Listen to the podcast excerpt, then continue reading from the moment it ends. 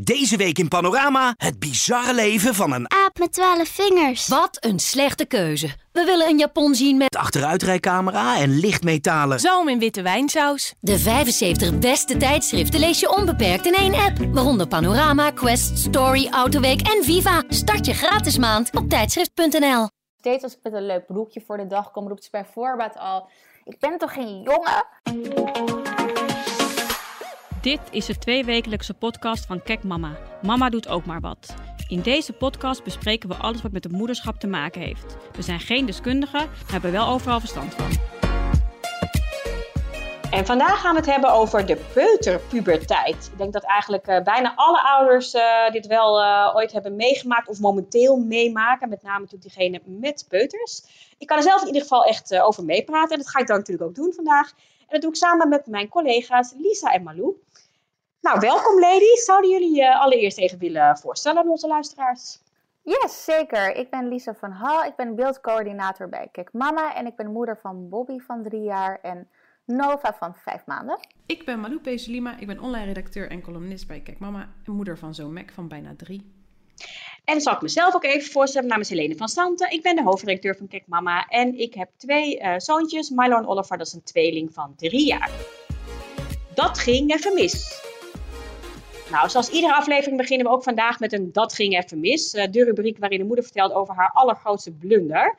En vandaag is dat een verhaal die we, in, die, die we kregen van een lezeres van ons. Dat is Debbie. En zij is moeder van twee kinderen. Ze heeft er eentje van vijf en eentje van drie. Nou, en de jongste eh, is een, eh, een zoontje. En daarmee heeft het flink te verduren gehad op het gebied van tantrums. Zo kreeg hij laatst een mega driftbui midden op straat. Hij ging op de grond liggen krijten en ze kreeg hem niet meer mee. En toen begon het kaart te hagelen, want het was hartje winter. En toen ging haar andere kindje ook keihard huilen en wilde niet meer verder lopen. Nou, beide kinderen kon ze niet optillen. Dus ja, ze stond daar op straat in de hagel. en ze zegt, ja, ik heb zeker een half uur zo gestaan. Afschuwelijk. En uiteindelijk is het haar wel gelukt om de kids zover ja, mee te krijgen om mee naar huis te lopen. En ze kwamen helemaal verkleumd aan. En eh, nou, ik moet zeggen, voor mij is het ook best wel herkenbaar. eh, dit- Heel herkenbaar. Ik denk dat we allemaal wel eens zo'n peuter op de grond hebben gehad die niks meer wilde. En dat je niet dacht meer van, wilde lopen. Ja, dat je onder je arm moest meenemen. Ja, Ja. echt vreselijk. Wat, wat voel je je dan ongemakkelijk ook hè, als ouder? Ik, heb, ik, heb, nou, ik, ik moet zeggen, ik heb het niet, eh, elk, niet dagelijks of zo, maar wat ik dus sinds kort doe, altijd als Mac dus lastig doet in het openbaar. En ik echt serieus geen idee heb hoe ik op dat moment, wat ik op dat moment met hem aan moet, dan doe ik dus net alsof ik de boel volledig onder controle heb. En dan, dan, dan ga ik, van binnen brand ik dan echt, maar dan ga ik semi-nonchalant glimlachen en een beetje doen alsof het me niet zoveel boeit dat mijn kind daar een hele scène aan het schoppen is. En vaak zie ik dan voorbijgangers ook een beetje meelachen van, oh ja, ja, ach meid, we know the feeling. Het is wel heel goed, want eigenlijk wat vaak het ergste is, is een beetje je eigen gêne. Terwijl als je gewoon doet alsof het je helemaal niks boeit, dan Ja. is het al een stuk minder erg. Dan maak je het ook minder erg voor jezelf, denk ik. dan. Terwijl van binnen ga ik echt, dat, dat ik Kapot. denk, oh, ja, driftbuien. Nou, we hadden het net al eventjes over natuurlijk de tantrums. Dat is natuurlijk wel echt kenmerkend voor de peuterpuberteit. Nou, die peuterpuberteit is eigenlijk de periode grofweg tussen twee en drie jaar bij kinderen. En, heb ik, en dan hebben peuters heel vaak last van dus, eh, driftbuien. Eh, nou, ik hoorde net al van jullie. Jullie kinderen hebben dus ook wel eens eh, last van driftbuien. Hebben jullie kinderen dat heel, dat heel vaak? Nou ja, ik moet eerlijk zeggen, afkloppen Mac is niet een extreem pittig ding. Natuurlijk kan hij wel boos worden en hij weet ook heel goed wat hij wel en vooral niet wil. Maar het is eigenlijk wel op één hand te tellen dat ik hem hysterisch huilend van de grond heb moeten vegen ergens. Ik merk wel dat hij de laatste tijd wel heel verdrietig en boos kan worden om de, ja, de kleinste, de stomste dingen. Als ik een hapje van zijn appel neem of als hij een, een jas geen jas aan mag terwijl het 100 graden buiten is, weet je wel. Of als hij dan blokken op elkaar stapelt en de boel valt om, of dat soort dingen, dan daar kan hij echt compleet van, door van de leg zijn. Echt een soort drama queen eigenlijk.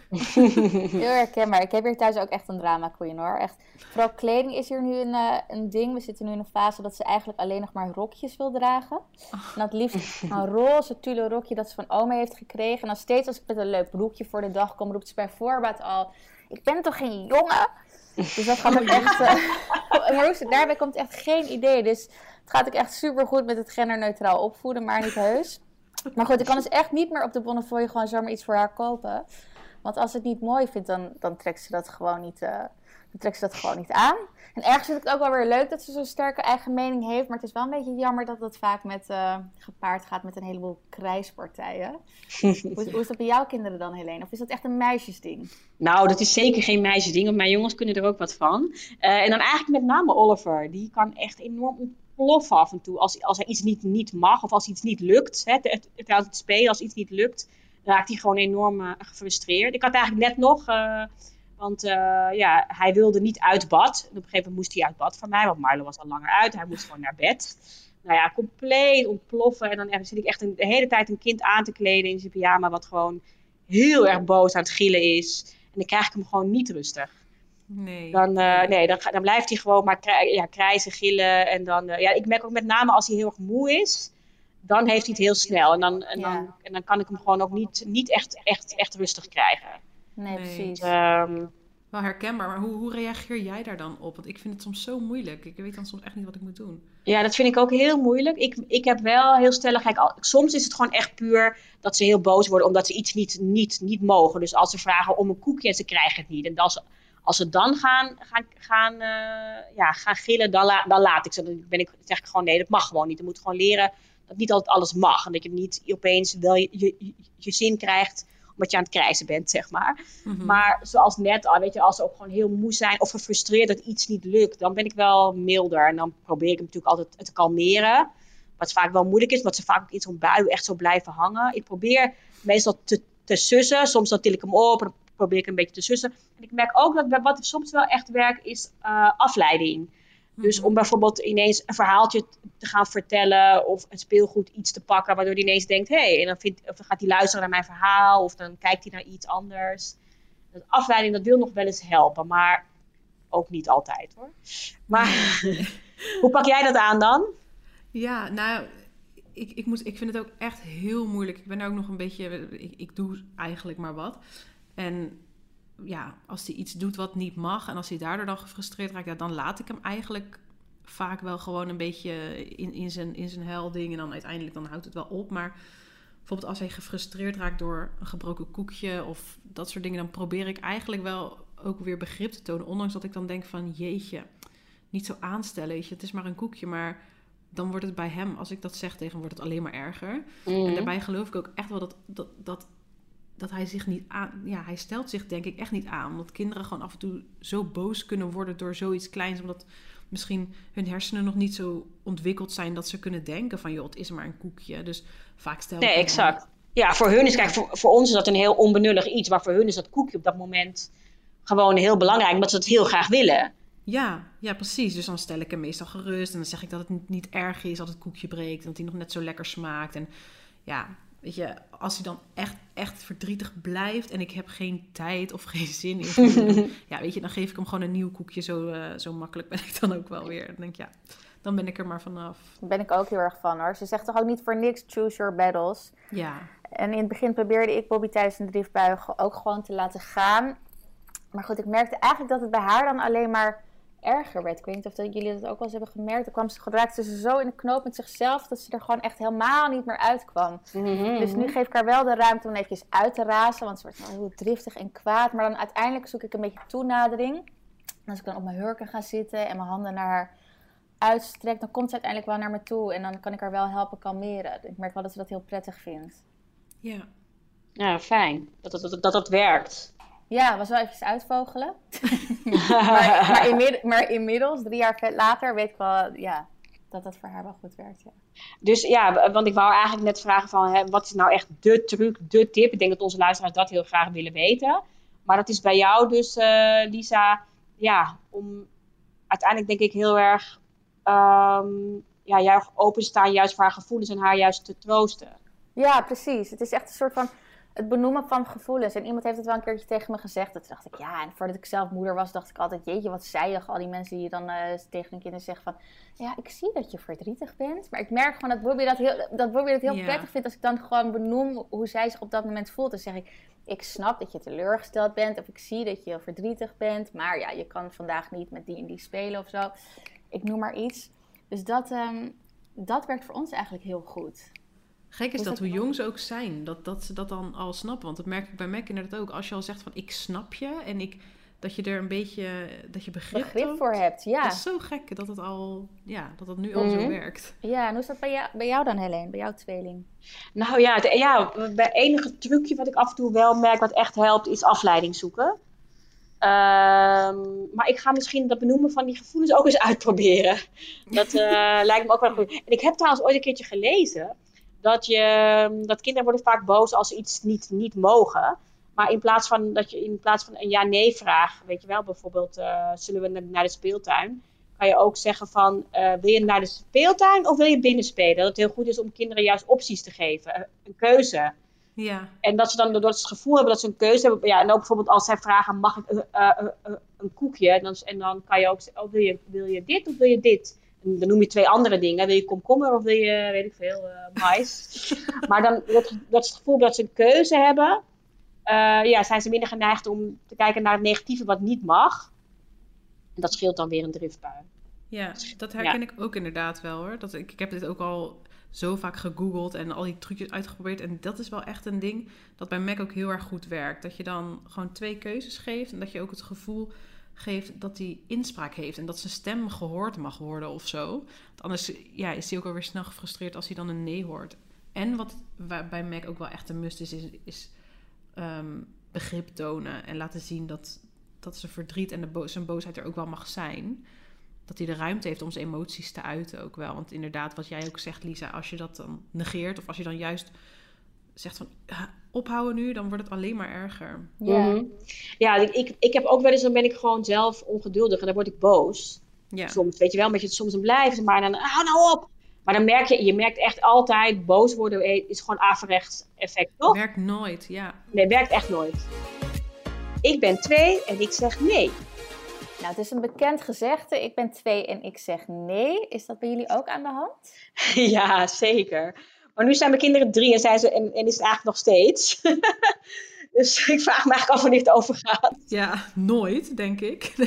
Als ik soms denk ik echt, oh, bij, bij Mac blijft nee dus ook echt nee. Hij is dan zo stellig.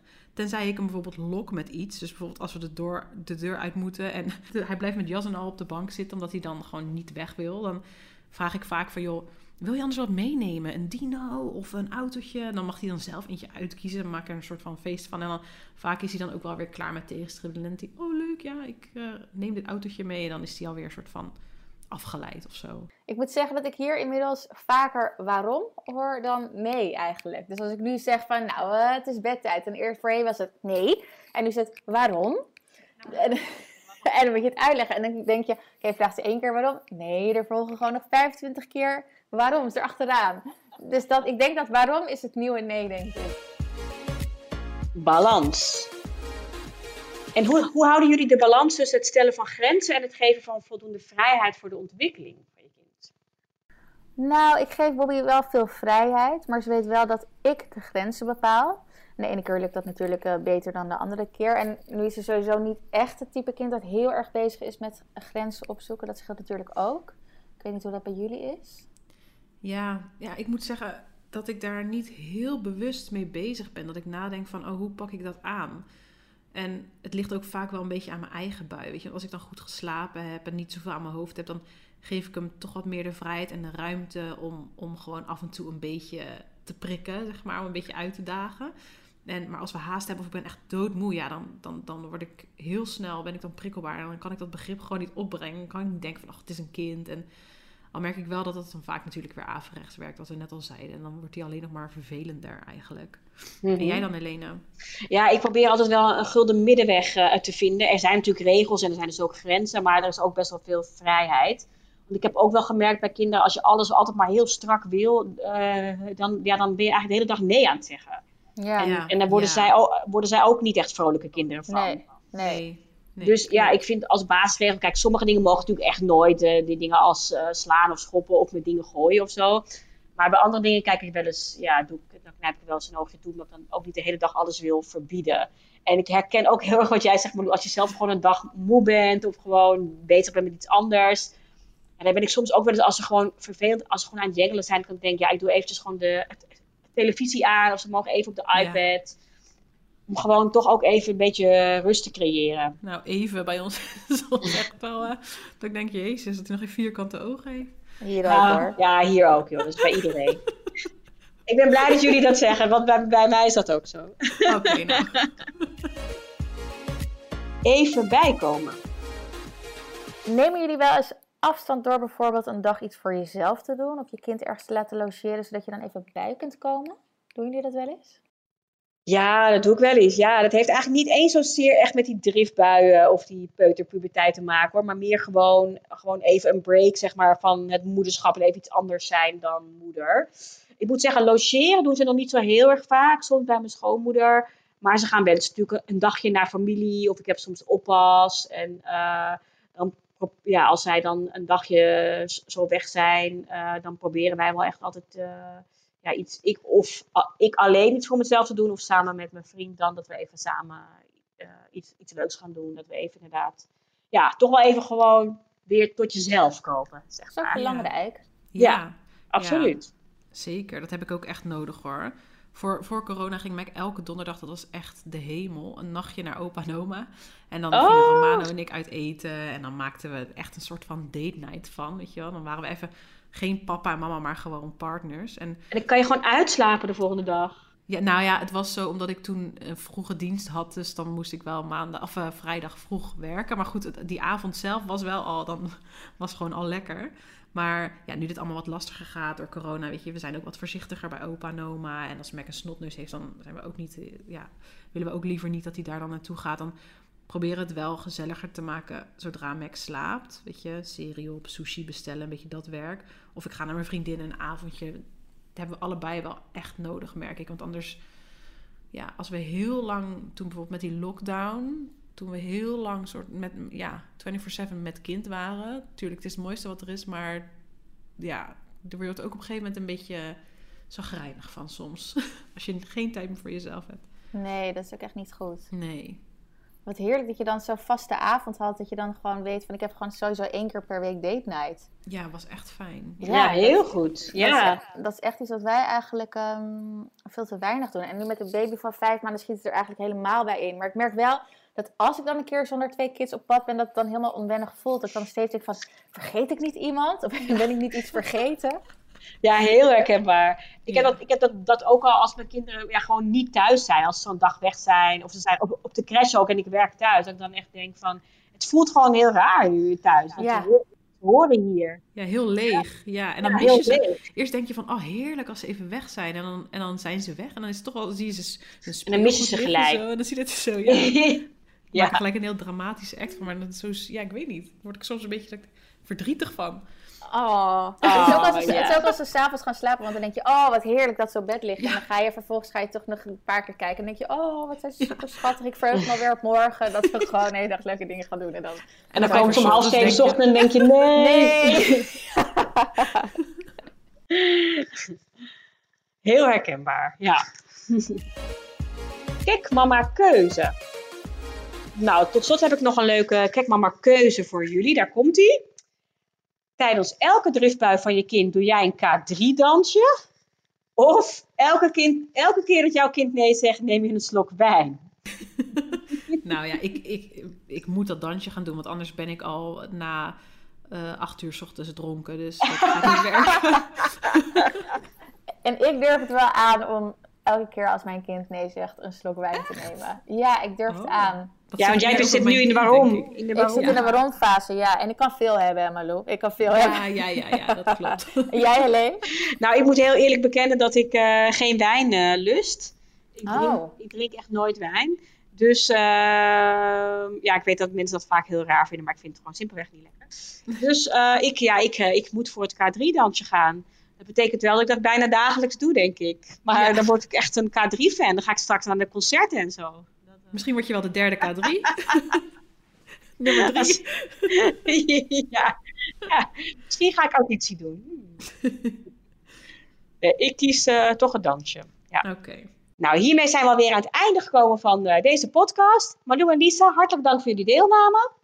Heel graag gedaan. Het was gezellig. Ja, zeker. En over twee weken dan zijn we natuurlijk weer. Dan hebben we met een nieuwe aflevering. En dan gaan we praten met seksjournalist Marit Idema over hoe je je relatie spannend houdt. En een kleine tip van de sluier, daar spelen ook seksspeeltjes een grote rol in. Nou, Oh. ja, het wordt een hele spannende aflevering. Dus zeker luisteren. Tot dan! Doei doei! Nu in Nieuwe Revue, zon, zee... En zoete aardappels met honingmosterd. Even opschuren en twee keer afvlakken met... Oom Donald, kwik, kwek. En een lekkere dikke Linda. De 75 beste tijdschriften lees je onbeperkt in één app. Waaronder Nieuwe Revue, Margriet, VT Wonen, Donald Duck en Linda. Start je gratis maand op tijdschrift.nl.